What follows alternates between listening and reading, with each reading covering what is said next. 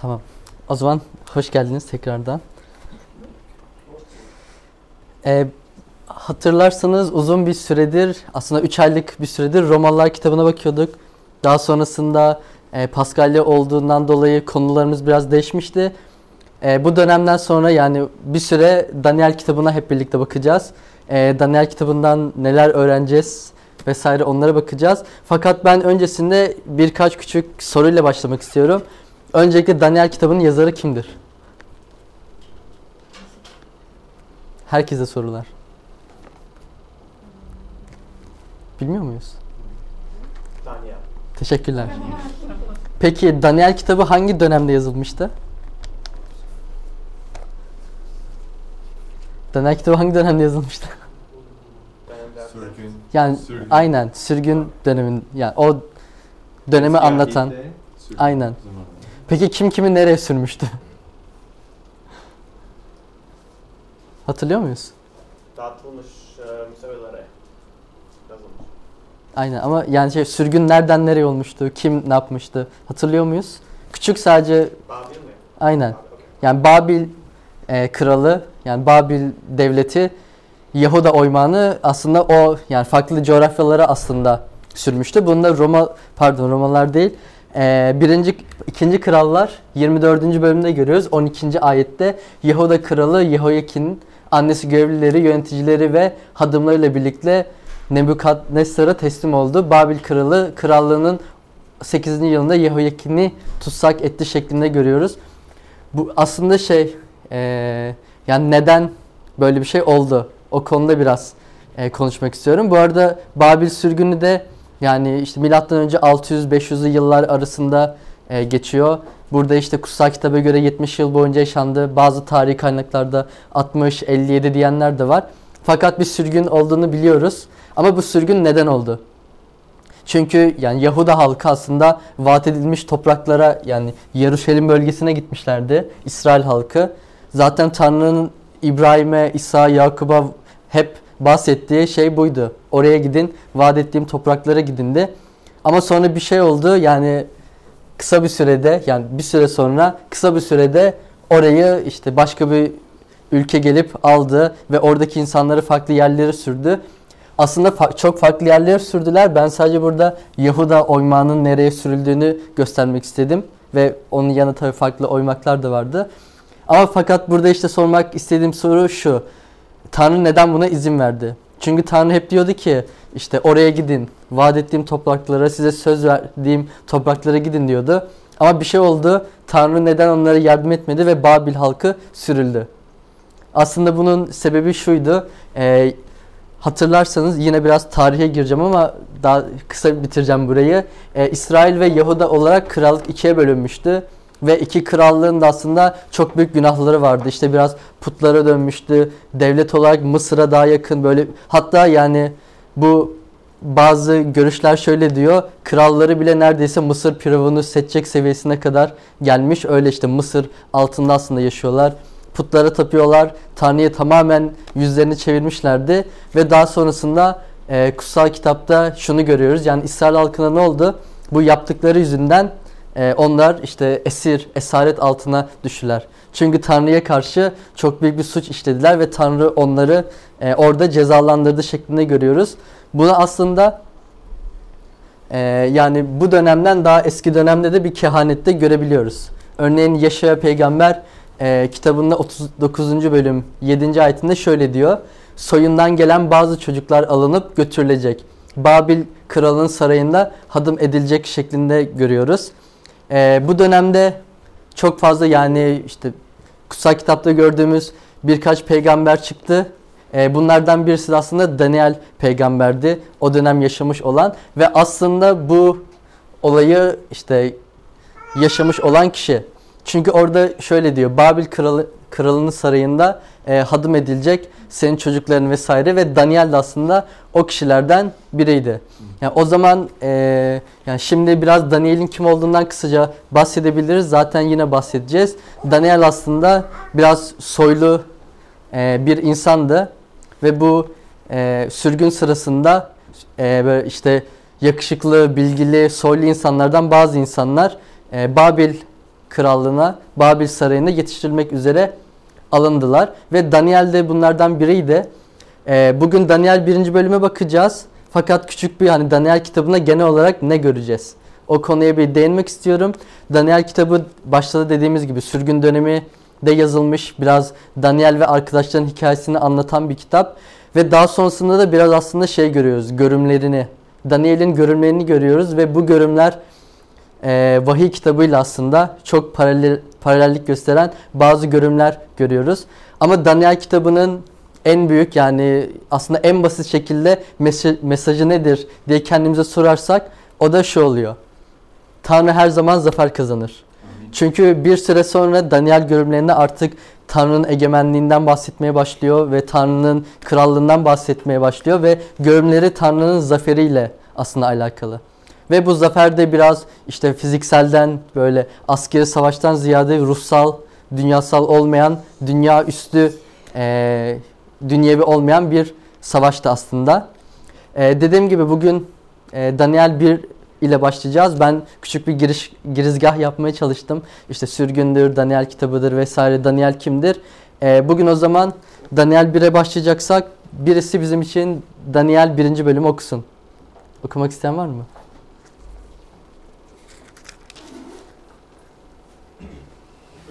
Olur.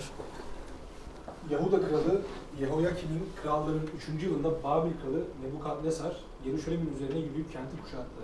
Rab, Yahuda kralı Yehoyakim'i ve Tanrı'nın tapınağındaki bazı eşyaları Nebukadnesar'ın eline teslim etti.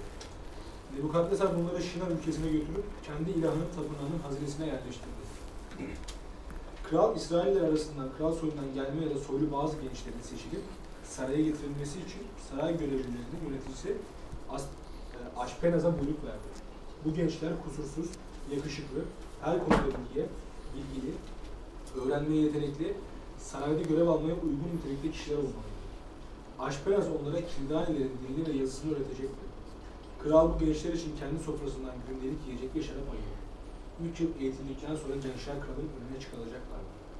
Seçilen gençler arasından Yahuda- Yahudalılardan Daniel, Hananya, Mişael ve Azarya da vardı.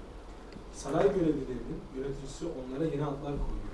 Daniel'e Belteşasar, Hananya'ya Şadrak, Mişael'e Meşak, Azarya'ya Abednego adını verdi. Daniel, Daniel dinsel açıdan kendini kirletmemek için kralın onlara ayırdığı yemeklerden yemeği de şaraptan içmeyi de istemedi. Bu yoldan kendini kirletmemek için saray görevlilerinin yöneticisine ricada bulundu. Tanrı saray görevlileri yöneticisinin Daniel'e sevgiyle, sevecenlikle davranmasını sağladı. Adam Daniel'e yiyecek içecek payınızı ayıran Efendimiz kraldan korkarım dedi. Eğer yüzünüzü yaşadığınız olan öbür gençlerin yüzünden daha solgun görürse başımı tehlikeye sokmuş olursunuz. Daniel saray görevlileri yöneticisinin Hananya, Mişael, Azarya ve kendisinin başına koyduğu yöneticiyi bilip lütfen kullarınıza 10 gün olanak tanıyın dedi. Bu 10 gün içinde bize yemek için sebze, içmek için de su verilsin. Sonra yüzlerimizi kralın yemeklerini yiyen öbür gençlerin yüzleriyle kıyaslayın ve kullarınıza gördüğünüze göre davranın. Gözetici bu isteği kabul etti ve onlara 10 gün deneme fırsatı verdi. 10 gün sonra 4 genç kralın yemeklerini yiyen öbür gençlerin hepsinden daha sağlıklı, daha iyi beslenmiş görünüyordu. Böylece gözetici o günden sonra kralın gençler için ayırdığı yemekte şarabı kaldırdı ve onlara sebze ver- vermeyi sürdürdü. Tanrı bu dört gence her konuda bilgi, beceri, bilgelik verdi.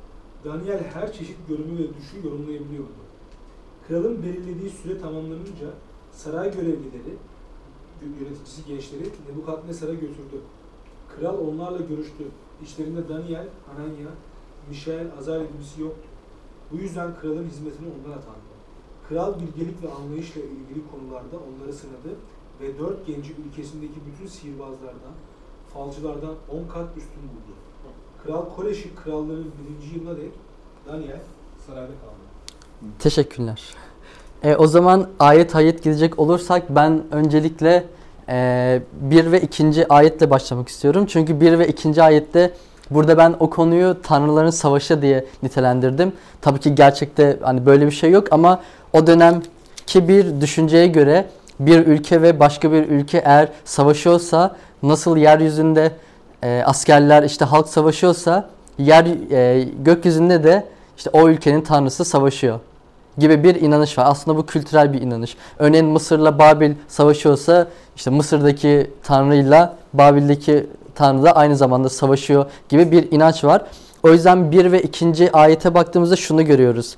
Ee, kral e, Nebu Nebukadnessar e, şeyleri yani tapınaktaki önemli eşyaları kendi tapınağına Babil'e götürüyor. Aslında bunun sebebi biraz aslında az önce bahsettiğim olay. Yani yeryüzünde Babil halkı İsrail halkını yendi ama sanki gökyüzünde de onların tanrısı işte İsrail'in tanrısını yenmiş gibi bir e, kültürden geldikleri için böyle bir şey görüyoruz. Fakat ama biz aslında en başta da dediğim gibi e, Daniel kitabına genel olarak baktığımızda Tanrı'nın zaferini göreceğiz. Zaten bugün sadece birinci bölüme bakacağız. Daha sonra diğer e, kardeşlerimiz de anlatacaktır. Ama bizim yani aslında savaş dediğimiz şey e, bundan daha üstün bir şey. Yani burada yeryüzünde olan savaş ama gökyüzünde gerçekte tanrılar savaşmıyor. Çünkü aslında bir tane gerçek tanrı var ve onun zaferini de biz hep birlikte yani göreceğiz. Bunu çok iyi bir şekilde biliyoruz. Daniel'de de aslında bu zaferin biraz bize müjdesini daha önceden haberini veriyor. Ee, üçüncü ve altıncı bölüme baktığımızda bu Türklere hiç yabancı gelmeyecektir. Çünkü Osmanlı döneminde de çok e, şey olan bir şey. Nasıl diyeyim? Çok popüler olan bir şey. Örneğin Osmanlı fethettiği yerlerde orada eğer zeki çocuklar, işte böyle akıllı, bilgin çocuklar ya da işte kılıcı güçlü çocuklar varsa onları saraylarına götürüyorlardı ve bu sisteme devşirme sistemi deniyordu. Yani o çocukları devşiriyorlar ve biraz Türkleştiriyorlar. Osmanlı'da çok yani örnekleri var. İşte örneğin Sokullu Mehmet Paşalar, işte büyük generaller, işte komutanlar, sadrazamlar hatta işte başvezir seviyesine yetişmiş e, devşirme insanlar görüyoruz. Ve Daniel ve arkadaşları da bunlardan biri. Ama bu dönem tabi Osmanlı döneminden bahsetmiyoruz. Babil'de de aynı şekilde Yahuda'dan işte zeki, akıllı, işte bilge insanları, bilge çocukları toplayıp saraylarına getirmişlerdi. 3 ve 6. ayetler arasında bunları görüyoruz ve bunların işte kim olduklarını görüyoruz. Ee, daha sonrasında Daniel birinci bölüme baktığımızda Daniel ve arkadaşlarının aslında iki tane denenmesine denk geliyoruz. Bunlardan birinci denenmesi isimlerinin değiştirilmesi. Yedinci bölümde isimlerinin değiştirildiği yazıyor. Ben burada öncelikle bu isimlerin anlamları her iki tarafta da isimlerin anlamlarına değinmek istedim. Örneğin Daniel Tanrı yargıcımdır demek. Hananya Tanrı merhametlidir demek ya da evet Tanrı merhametlidir demek. Mişael Tanrı gibi olan demek. Azarya da Rab yardımcımdır şeklinde bir anlamı var.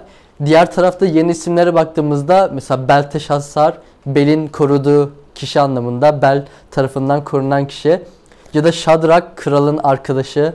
Tabi buradaki aslında biraz şey var.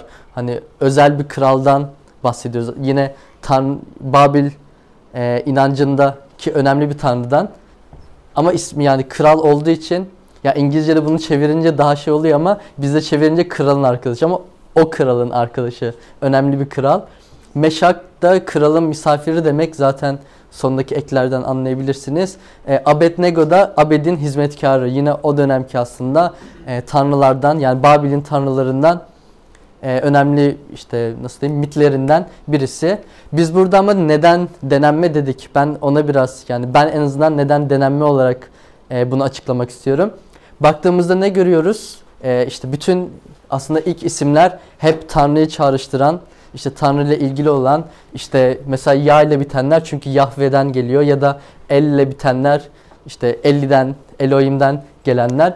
İsimlere baktığımızda hep işte Tanrı'yı çağrıştıran ve onu unutmamız, unutmamamızı sağlayan isimler görüyoruz. Ama yeni isimlere baktığımızda da hep o dönemin yani Babil'in tanrılarının isimlerinden, Babil'in önemli kişilerin isimlerinden geldiğini görüyoruz. Bu yüzden ben birinci denenme olarak, Daniel'in ve arkadaşlarının birinci denenmesi olarak onların e, yani Babil krallığının onları Tanrı'yı unutturmak istemesi olarak nitelendiriyorum. Zaten yani çok kesin bir şey değil ama e, Daniel ve arkadaşlarının işte 15, 17, 20 bu yaş aralıktaki kişiler olduklarını e, biliyoruz. Yani tarihi kaynaklar bize onu söylüyor. E, Yahuda e, sürgün edildiğinde. Ve daha küçük yaşta onların ismi değiştirilerek başlıyor ve dilleri de aynı şekilde değiştirilerek başlıyor. Neden? Çünkü ilk denenme bu. Tanrı'yı unutturmak. Örneğin dünya da bize aynı şey yapıyor. Bunların detaylarına çok gireceğiz aslında birazdan. Ama dünya da bize Tanrı'yı unutturmak için bir şeyler yapıyor. Dediğim gibi birazdan buna denk geleceğiz. Daha sonrasında Daniel'in ikinci denenmesine geleceğiz. Doğru yerde miyim? Evet. Daniel'in ikinci denenmesi et yerine sebze seçmesiydi. Ama bu neden? Çünkü yani İsrail halkına baktığımızda ya da Yahudi şeyine baktığımızda et veya şarap işte yiyebilirdin. Yani neden yemiyorlardı? Buradaki konu da şu aslında. Ee, o dönemki et ve şarap krallara yani Babil'in krallarını ve Babil'in tanrılarına önce adanırdı. Onlardan kutsanırdı ve daha sonrasında kralın sofrasına getirilirdi. Ya da normal halk da önce yemeklerini kutsardı. Ama etse ve şarapsa bunları kutsardı ve bunları sofralarına getirirdi. Biz Daniel'in e, ikinci denenmesi olarak şunu görüyoruz. E, kral kendi yemeklerinden aslında bu devşirdiği insanlara, bu çocuklara vermeye çalışıyor. Fakat Daniel bunu reddediyor. Ama Daniel yemek yememeyi reddetmiyor. Sadece e, kutsal olmayan bir şey yemeyi reddediyor. Bu yüzden e, şunu istiyor. Oradaki kahya diyeyim ben yani saray görevlisinden e, sebze istiyor. Buradaki sebze de biraz aslında şey değil. İşte sadece sebze değil içinde tahıllar, baklagiller vesaire olduğu da düşünülebiliyor. Ve ikinci denenmesini ben şu olarak görüyorum. Ee, Babil Krallığı, Babil Sarayı onların kutsallarını almaya çalışıyor. Yani bir inançları var ve bu inançlarını onlardan koparmaya çalışıyor. Aslında şu an bizde de olduğu gibi dünyada o kadar çok şey var ki bizim kutsallarımızı bizden almaya çalışıyorlar. Bizim de inancımızı biraz işte inancımızdan soyundurtmaya çalışıyorlar bizi. Bunu şu an kendi hayatımızda da çok net görebiliyoruz. Zaten detayına da birazdan gireceğiz. 10. ayette kahyanın endişesi var. Buraya da kahya olarak yazmışım. Aslında bu o en büyük saray görevlisi. Sanırım burada öyle geçmiyordu. Ama en büyük o kişilerden, o çocuklardan sorumlu saray görevlisiydi. Ve onun şöyle bir endişesi var. Yani ben sana kralın sofrasından getirmezsem biraz krala ihanet etmiş gibi olacağım. Çünkü kral kendi sofrasına ayırıyor, size veriyor ve siz bunu reddediyorsunuz. Bu biraz yani kötü bir şey hem de biraz hakaret gibi. Çünkü kralın verdiği yiyeceği yemiyorsunuz. Ve ayrıca o kahyanın görevi bu çocukların iyi bir şekilde beslenmesiydi.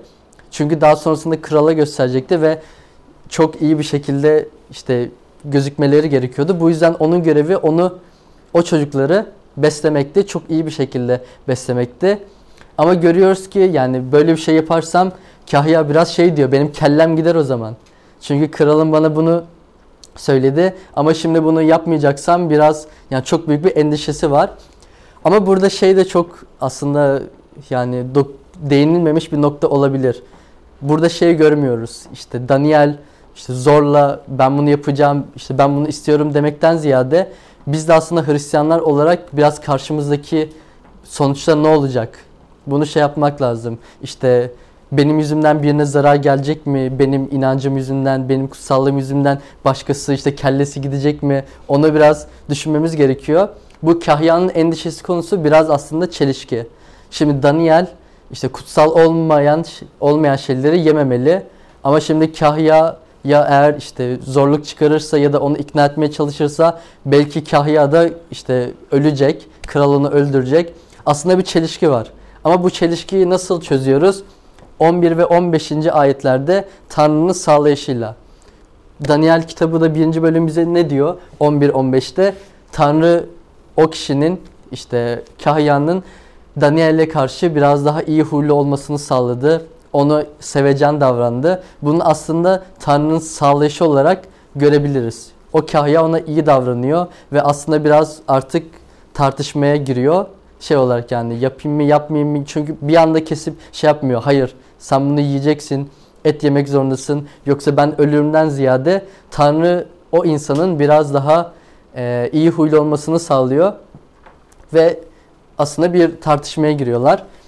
Daha sonrasında 16. ve 17. bölümde Tanrı'nın bereketini görüyoruz. Ee, o da şöyle aslında e, yani et düşünün bir tarafta da sebze düşünün. Yani aramızda diyetisyen arkadaşlar var. Onlar daha iyi bilir ama işte ette ne vardır? Çinko vardır, demir vardır, krate, kretein işte ondan vardır. Yani et yemek mi yoksa sebze yemek mi insanı daha güçlü, daha iyi gösterir? Diyetisyen arkadaşımız da cevap verebilir. Sebze daha fazla Ama mesela şey bakarsak etin içinde etin içinde protein var, hatta demir var. Demir kan sağlıyor. Eğer yani bunlar bir daha hiçbir zaman 3 yıl boyunca et yemeyecekse kansızlık vesaire başlamayacak mıdır? Yani aslında bence biyolojik olarak et sebzeden daha böyle güçlü gösterebilir. Çünkü içinde proteindir, odur, budur, çinkosudur vesairedir. İşte birçok şey olduğu için bel, belki et biyolojik olarak sebzeden daha güçlü olabilir diye benim düşüncem olduğunu gözük görüyorum yani düşünüyorum. Çünkü yani kral da onlara et verdiyse bir bildiği vardır koskoca kral. Yoksa sebze de verebilirdi ama kendi sofrasından et veriyordu ve bu et muhtemelen güzel bir etti. Çünkü kralın yani sofrasındaki et muhtemelen en güzel kesilmiş, fümelenmiş, böyle güzel pişirilmiş vesaire çok güzel bir etti. Ama onu Daniel reddediyor. Ama sonuçta ne görüyoruz? Burada Tanrı'nın bereketi olarak adlandırdığım şey e, 10 gün bir müddet istiyor Daniel. Diyor ki 10 gün boyunca ben et yemeyeceğim ama işte iddia ediyor ben diğerlerinden daha iyi gözükeceğim vesaire. Ve şunu görüyoruz Daniel 10 gün sonra gerçekten daha iyi gözüküyor. Diğer et yiyenlerin karşısında yüzü işte daha parlak, daha canlı, daha şey vesaire. Burada aslında biraz Tanrı'nın bereketi olarak ben bunu adlandırmak istiyorum. Çünkü hiç et yemedi işte o dediğim vitaminleri vesaire almadı ama diğerlerine nazaran sadece sebzeyle daha böyle güçlü gözüktü. Bunu ben biraz Tanrı'nın sağlayışı ve bereketi olarak görüyorum. Ee, 16-17'nin sonuna gelirsek aslında şunu da görüyoruz. Ee, Tanrı bu sebze sayesinde sadece onlara güçlü bir işte görünüş, iyi bir yüz vesaire sağlamadı. Bir bakıma hikmet ve bilgelik de sağladı. Çünkü e, özellikle 17.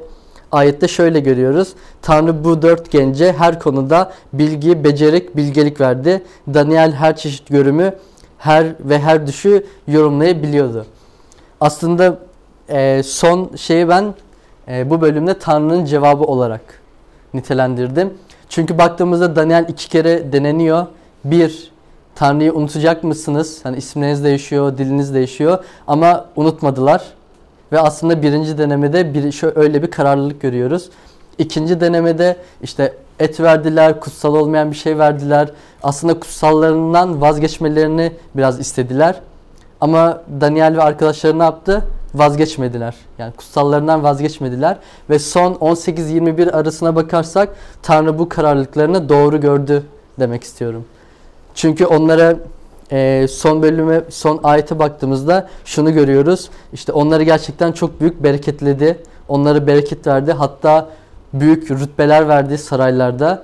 Aslında bu kararlılıkları ve Tanrı'nın önünde doğru durmaları onlara bu bereketi sağladı. Tabii ben şimdi size şey demiyorum. Eğer doğru şey yaparsanız ya da sebze yerseniz işte sarayda şey olacaksınız, işte Cumhurbaşkanı yardımcısı olacaksınız vesaire demiyorum.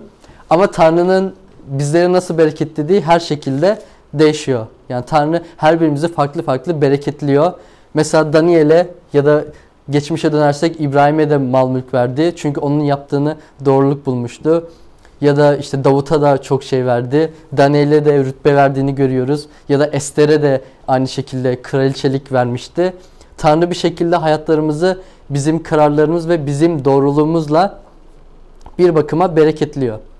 Ee, ben şu anda bir Daniel kitabını bir kenara bırakıp sürgün konusuna biraz daha değinmek istiyorum. Yani az önce sürgün için ne demiştik? İşte Yahuda halkının işte şeyleri yüzünden vesaire, putlara tapması yüzünden vesaire bir sürgün olmuştu.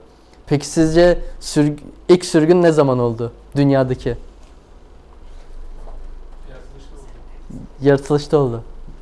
Yaratılış 3'e baktığımızda özellikle 3 23'e baktığımızda Tanrı İbrahim'i şeyden çıkarıyor.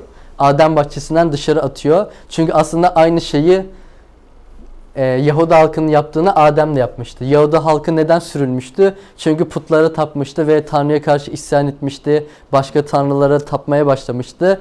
Ve bu yüzden onlar e, vaat edilmiş topraklardan atılmıştı. Aynı şekilde Adem'e baktığımızda ta yaratılışta 3.23'te o da Tanrı'ya karşı bir isyanı sonucunda henüz daha yeni başlamışken 3. bölümde her şey kötü oldu. Çünkü o da bir bakıma sürüldü. Yani aslında sürgün dediğimiz şey Yahudi halkının yaşadığından ziyade Adem'in yaşadığı ve şu anda hala süren. Çünkü e, biz de aslında biraz şu an sürgünde, dünyada sürgünde yaşayan insanlarız. Fakat 70 yıl sonra ne oldu sürgünde? Sürgünde 70 yıl sonra Rab onları kurtardı. Ne yaptı? 70 yıl sonra tekrar tapınan kurulmasını sağladı. Tekrar onlara o bölgeleri verdi vesaire. Fakat bizim için e, İsa ne yaptı? Biz eğer sürgündeysek o da bizler için canını verdi ve bizler için hani bizlerin yüreklerine tapınak kurdu. Aslında orada yaptığı her şeyi yani Tanrı İsrail halkına ne yaptıysa, nasıl kurtardıysa, nasıl cezalandırdıysa da o şekilde hem bizi de hem de Yahudi halkını da kurtardı. Ben burada o zaman şu soruyu sormak istiyorum. Bu durumda biz kimiz? Şimdi Yahudi halkı için Adem dedik. Tanrı için yine İsa dedik. Çünkü İsa bizim e, suçlarımızı üstlenerek, bizler için canını ver- vererek ve üç gün sonra tekrar dirilerek aslında bizi kurtardı bu sürgünden. Ama biz kimiz bu durumda? Bu hikayeye bakacak olursak. Yani şu gerçek şu anki o uzun sürgün ve İsrail halkının 70 yıllık sürgününe bakarsak biz bu durumda kimiz? Bir cevabı olan var mı? Yok mu? Babil dünya. Aynen. Babil dünya oluyor. Şu anki dünya Babil oluyor. Bizse Daniel oluyoruz aslında. Aynen. Çünkü Daniel'in iki denenmesi vardı. Birisi neydi? Tanrı'yı unut, dünya Tanrı'yı yani Babil halkı aslında Babil onlara Tanrı'yı unutturmak istiyordu ve ikinci olarak da kutsallarını almak istiyordu. Biz de aynı şekilde bunu görebiliyoruz. Yani şimdi Daniel'in o hikayesinden çıkarsak örneğin bizim isimlerimiz değişmedi. Ya da biz hani nasıl ne şekilde eee o Tanrı'yı unutmaya unutulmak istiyoruz diye soracak olursam Babil işte Daniel'in ismini değiştirdi. Dünya ise bize Tanrı'yı unutturmak için çok fazla şey veriyor. Örneğin neleri unutabiliyoruz? Bazen insanlara yardım etmeyi unutuyor olabiliriz. Ya da düşmanlarımızı sevmeyi unutuyor olabiliriz. Bu İsa'nın bize bir e, emriydi. Bunu unut unutuyor olabiliriz. Ya da daha da büyük İsa'nın bizi kurtardığını, İsa'nın kurtarıcı olduğunu bazen unutabiliyoruz. Dünyanın işte dalgasına atılırken ya da kutsal kitap okumayı unutabiliyoruz. Çoğu zaman ben zaten okuyorum bugün de okumayayım deyip bir kenara bırakabiliyoruz. Dünya bize kutsal kitabı okunmayı bıraktırabiliyor. Ya da Rabbin öğrencisi olmayı, Rabbin öğrencisi olduğumuzu da unutabiliyoruz. Bazen yani o kadar yoğun oluyoruz ki işte bu işten, güçten vesaire belki de bunu unutuyoruz. Ya da bunun dışında tez öfkelenebiliyoruz. Ama kutsal kitap İsa bize tez öfkelenmememizi istiyor. Ama dünya bizi öfkelendirerek aslında bize bunu Tanrı'yı unutturuyor. Ve insanlara iyi davranma, insanlara mua- iyi muamele etmeyi unutturuyor olabiliyor. Çünkü hepimiz farklı farklı işte işleri, güçleri, işte öğrenci olan, çalışan, farklı işler yapan kişileriz. Bazen insanlarla karşı karşıya geliyoruz ve onlara kötü muamele edebiliyoruz. Ama biz Hristiyanlar olarak aslında bunu yapmamalıyız. Ve dünya bizi kutsallıktan nasıl uzaklaştırıyor? Çünkü şu anda yani sebze ya da et karşısında yani Daniel'in karşılaştığı sorun sebze mi yiyeceğim, et mi yiyecektim? Ama dünya bizi kutsallıktan nasıl uzaklaştırmaya çalışıyor? Günahın verdiği hazla. Bakarsak aslında sebze e, yani o dönemin şeylerinde Daniel et yeseydi muhtemelen daha et daha iyi gözüküyor. Kralın sofrasından et gelmiş. Muhtemelen tadı da çok güzeldir. O etten yeseydi her şey yani çok güzel bir yemek yiyecekti. Çok güzel de kar- karnı doyacaktı. Ama o sebze yemeği seçti. Aslında bu bir bakıma günah. Yani günah da bize bazen çok iyi gelebiliyor. İşte günah bize haz verebiliyor. İşte dedikodu yapmak, birinin arkasından konuşmak, işte biriyle ya da küçük bir yalan bile söylemek. Günahın boyutundan ziyade küçük bir yalan bile söylemek bazen bize yani mutlu edebiliyor. Ya da belki çok para kazanmak. Bazen Tanrı'yı unutuyoruz ya da kutsallıktan çıkıyoruz. Ben çok para kazanacağım diye işte bir şeyler yapıyoruz. Bu da bizi kutsallıktan biraz uzaklaştıran şey olabiliyor. Daniel'in hikayesine baktığımızda onu ona karşı bu denenmeler vardı ama Daniel her zaman bereketlen yani Daniel en sonunda bereketlenmişti. Sonuç olarak Tanrı Daniel'i bereketlemişti fakat Tanrı bizi nasıl bereketliyor konusuna biraz değinmek istiyorum. Sonuçta Tanrı bize çok büyük bir rütbe vermiyor. Yani baktığımızda Daniel nasıl şey bereketlendi? Ona çok büyük bir rütbe verildi sarayda. Hatta ileriki bölümlerde göreceğiz. Bayağı yüksek bir işte devlet adamı oldu. Peki biz eğer işte evet Tanrı'yı unutmayacağız, işte kutsallarımızdan vazgeçmeyeceğiz. O zaman Tanrı bize ne verecek? Yani Tanrı bize çok büyük bir rütbe verecek mi? Aslında verdi. O rütbe ne? O rütbede Tanrı'nın çocukları olma rütbesi. Aslında Daniel'in sahip olduğu rütbeden ya da bir kralın rütbesinden daha büyük bir rütbe. Tanrı'nın çocukları olma e, izni diyeyim. Aslında bizim için bir bereket. Tanrı onu bize izin veriyor. Onun çocukları olma iznini bize veriyor. Aslında Tanrı'nın lütfu bir bakıma bereket olarak karşımıza çıkıyor. Ee, Daniel burada ne yapmıştı? İşte daha çok böyle pratik şeyler yememek vesaireyle bu rütbeleri kazanmıştı. Tabii ki inancından hiçbir zaman vazgeçmiyordu. Tanrı da yani Rab İsa da şu an bizden hani ne- neyi istiyor? Zaten biz aslında çoğumuz yaptık. Onu kurtarıcı olarak kabul etmemizi istiyor. Çünkü o bizim günahlarımız için öldü. İşte her zaman bahsediyoruz. Bizim için dirildi. Yaşamamız için dirildi. Bizi de aslında böyle bereketliyor. Tanrı'nın çocukları olma rütbesine erişmemiz için böyle bereketliyor. Ve bizden bunu kabul etmemizi istiyor. Sonuç olarak da ne olacak? Aslında Filipiller mektubunda dediği gibi bizim vatanımız göklerdedir. Şu an dünya aslında bizim için biraz Babil. Ve biz neyi bekliyoruz? Kurtarıcı Rab İsa'yı bekliyoruz. Çünkü Daniel kitabında bahsettiği konu. Tanrı her zaman zafer kazanır ve bu zaferi bekliyoruz. Ee, ben burada bir de şundan değinmek istiyorum. O et ve sebze konusuna az önce bahsettim. Yani et işte biraz hani günah olan şeyler dedim. İşte sebze içinde işte Tanrı'yı unutmamak vesaire dedim. Nedense ben okurken aklıma Galatyalılar mektubu geldi. Çünkü Galatyalılar 5.25'te e, şöyle diyor. Ruh sayesinde yaşıyorsak ruhun izinde de yürüyelim şeklinde diyor. Ve burada hatırlarsanız benliğin istekleri oluyordu ve ruhun istekleri oluyordu. Ben bunları bir bakıma eti, işte günah, sadece bunlar değil tabi bir sürü devam eden şey olabilir. Burada da aynı şekilde e, bir sürü devam eden şey olabilir. Günah olan şeyleri yani yapmamamız gereken şeyleri et olarak nitelendirdim. Ve aslında yapmamız gereken şeyi de sebze olarak nitelendirdim. Çünkü bir Hristiyan kendini nasıl yani bir Hristiyan nasıl tanınır konusuna gelmek istiyorum. Bir Hristiyanı nasıl tanırsınız? Bunları yapan birinin Hristiyan olarak tanınacağını düşünmüyorum ben. İşte hep bunları yapıyorsun ve ben Hristiyanım diyorsan biraz orada bir bozukluk var demek ki. Ama Hristiyan işte o Mesih'in karakterini göstermek sürekli konuşuyoruz. Hristiyan kendini nasıl tanıtır? Aslında bu yaptıklarıyla işte en önemlisi imanıyla. İsa Mesih olan imanıyla, sevgisiyle, sevinciyle, esenliğiyle, sabrıyla, işte şefkatiyle, iyiliğiyle, bağlılığıyla, yumuşak huylulukla, öz denetimle ve bu tarz aslında ruhun e, meyveleriyle ya da ruhun sebzeleri diyeyim. ruhun sebzeleriyle, kitapta meyveleri ama ruhun sebzeleriyle biz bir bakıma tanınıyoruz. Ve Tanrı daha sonrasında bizi bir şekilde bereketliyor. Örneğin girişte bahsettiğim gibi İbrahim'in yaptığını doğruluk saydı ve onu bereketledi ya da Samuel'i bereketledi. İşte Daniel'i bereketledi görüyoruz. Tarih boyunca Tanrı'nın doğruluğunu yapan herkesin bereketlendiğini görüyoruz. Ve şeyde yani çok güzeldir. Tanrı aslında hep bir çağrı içinde. Tanrı hep birilerini çağırıyor. Örneğin İbrahim'i çağırdı ve İbrahim şey dedi işte buradayım dedi.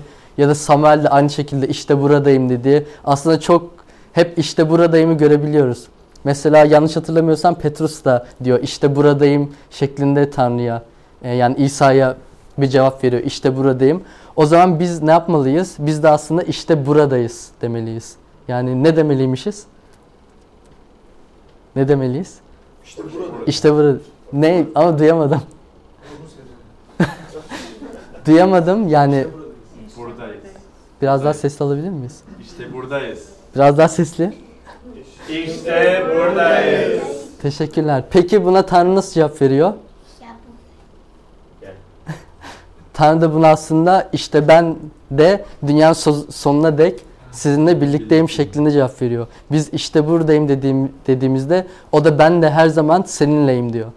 O zaman biz yaptıklarımızda yani sebze mi yiyeceğiz, et mi yiyeceğiz? Bu durum sebze yiyeceğiz cevabı geldi. Bu durumda Tanrı'nın her zaman bizimle birlikte olduğunu görmemiz gerekiyor. Çünkü o hep bizimle ve biz de ona gelirken o bizi çağırdı ve biz dedik ki işte buradayım. Rab senin önüne geldim, seni kabul etmeye geldim, işte senin sevgini tatmaya geldim şeklinde biz aslında ona bir söz veriyoruz ve Tanrı da ben de hep seninle birlikteyim diyor ve hayatlarımızı da böyle bereketliyor. Yani Daniel kitabının birinci bölümüne bakacak olursak e, neleri gördük son olarak bir özet geçmek istiyorum. Çünkü konular biraz dalmış olabilir. Daniel sürgündeyken iki tane denenmeden birinci bölümden bahsediyorum. Daha sonra tabii anlatılacaklar var. Birinci bölümde iki tane denenmeden Tanrı'yı unutmak ve kutsallarını kaybetmek. İki denenmeden geçti ama Daniel'in kararlılığı onlara ona ve arkadaşlarına aslında bereket olarak yani Tanrı'yı unutmaması, unutmaması, unutmaması ve kutsallarından vazgeçmemesi onlara bereket olarak Tanrı'nın bereketi olarak geldi. Biz aslında eğer şu anda sürgündeysek ki öyleyiz, dünyada sürgündeysek biz de yaptığımız her şeyde yani Tanrı'yı unutmamalıyız. Dünyanın işte zevk, heyecan verici şeylerine kapılıp kutsallarımızdan uzaklaşmamalıyız. Daniel 1'e baktığımızda hayatımızda bunları görüyoruz aslında. Biraz işte o bahsettiğim iyi sebzeleri yemek, her zaman işte birbirimizi sevmek, düşmanlarımızı dahi sevmek, işte iyi huylu olmak, insanlara iyi davranmak, işte vesaire örneğin çalışırken ben mesela bu hafta çok biraz öfkelenecektim. Kendimi çok zor tuttum. Bu tarz şeyler yaşamak gibi çalışırken hayatımızda araba sürerken belki önümüzde biri durdu. Ona karşı iyi davranmak, gidip dövmemek vesaire gibi. Aslında biz kendimizi yaptıklarımızla Hristiyan nasıl tanınır cevabını vererek bir yaşam sürmek, ilahi bir yaşam sürmekle e, Daniel'in yaptığı gibi bereketlenebiliriz ki bereketlendik. Onun yani Tanrı'nın çocuğu olarak o rütbeye sahip alarak ve en önemlisi de en büyük bereket ne? Sonsuz yaşam. Tanrı işte aslında müjdenin en büyük şey bu. Biz çünkü konuşurken Tanrı öldü ve dirildi diyoruz ama en büyük bize verdiği şey ne? Onun çocukları olma ve sonsuz yaşama kavuşma hediyesiydi. Çünkü günahın ücreti nasıl ölümse Tanrı'nın cevabı da İsa Mesih'ti. Onda sonsuz yaşamdı. E, bugün Daniel 1'den öğreneceklerimiz bu kadardı. İsterseniz bir dua edelim. Bizim için kim dua etmek ister? Bir Yunus Emre bir de Alihan dua etsin. İki kişi dua etsin bizim için. İbranice et istersen.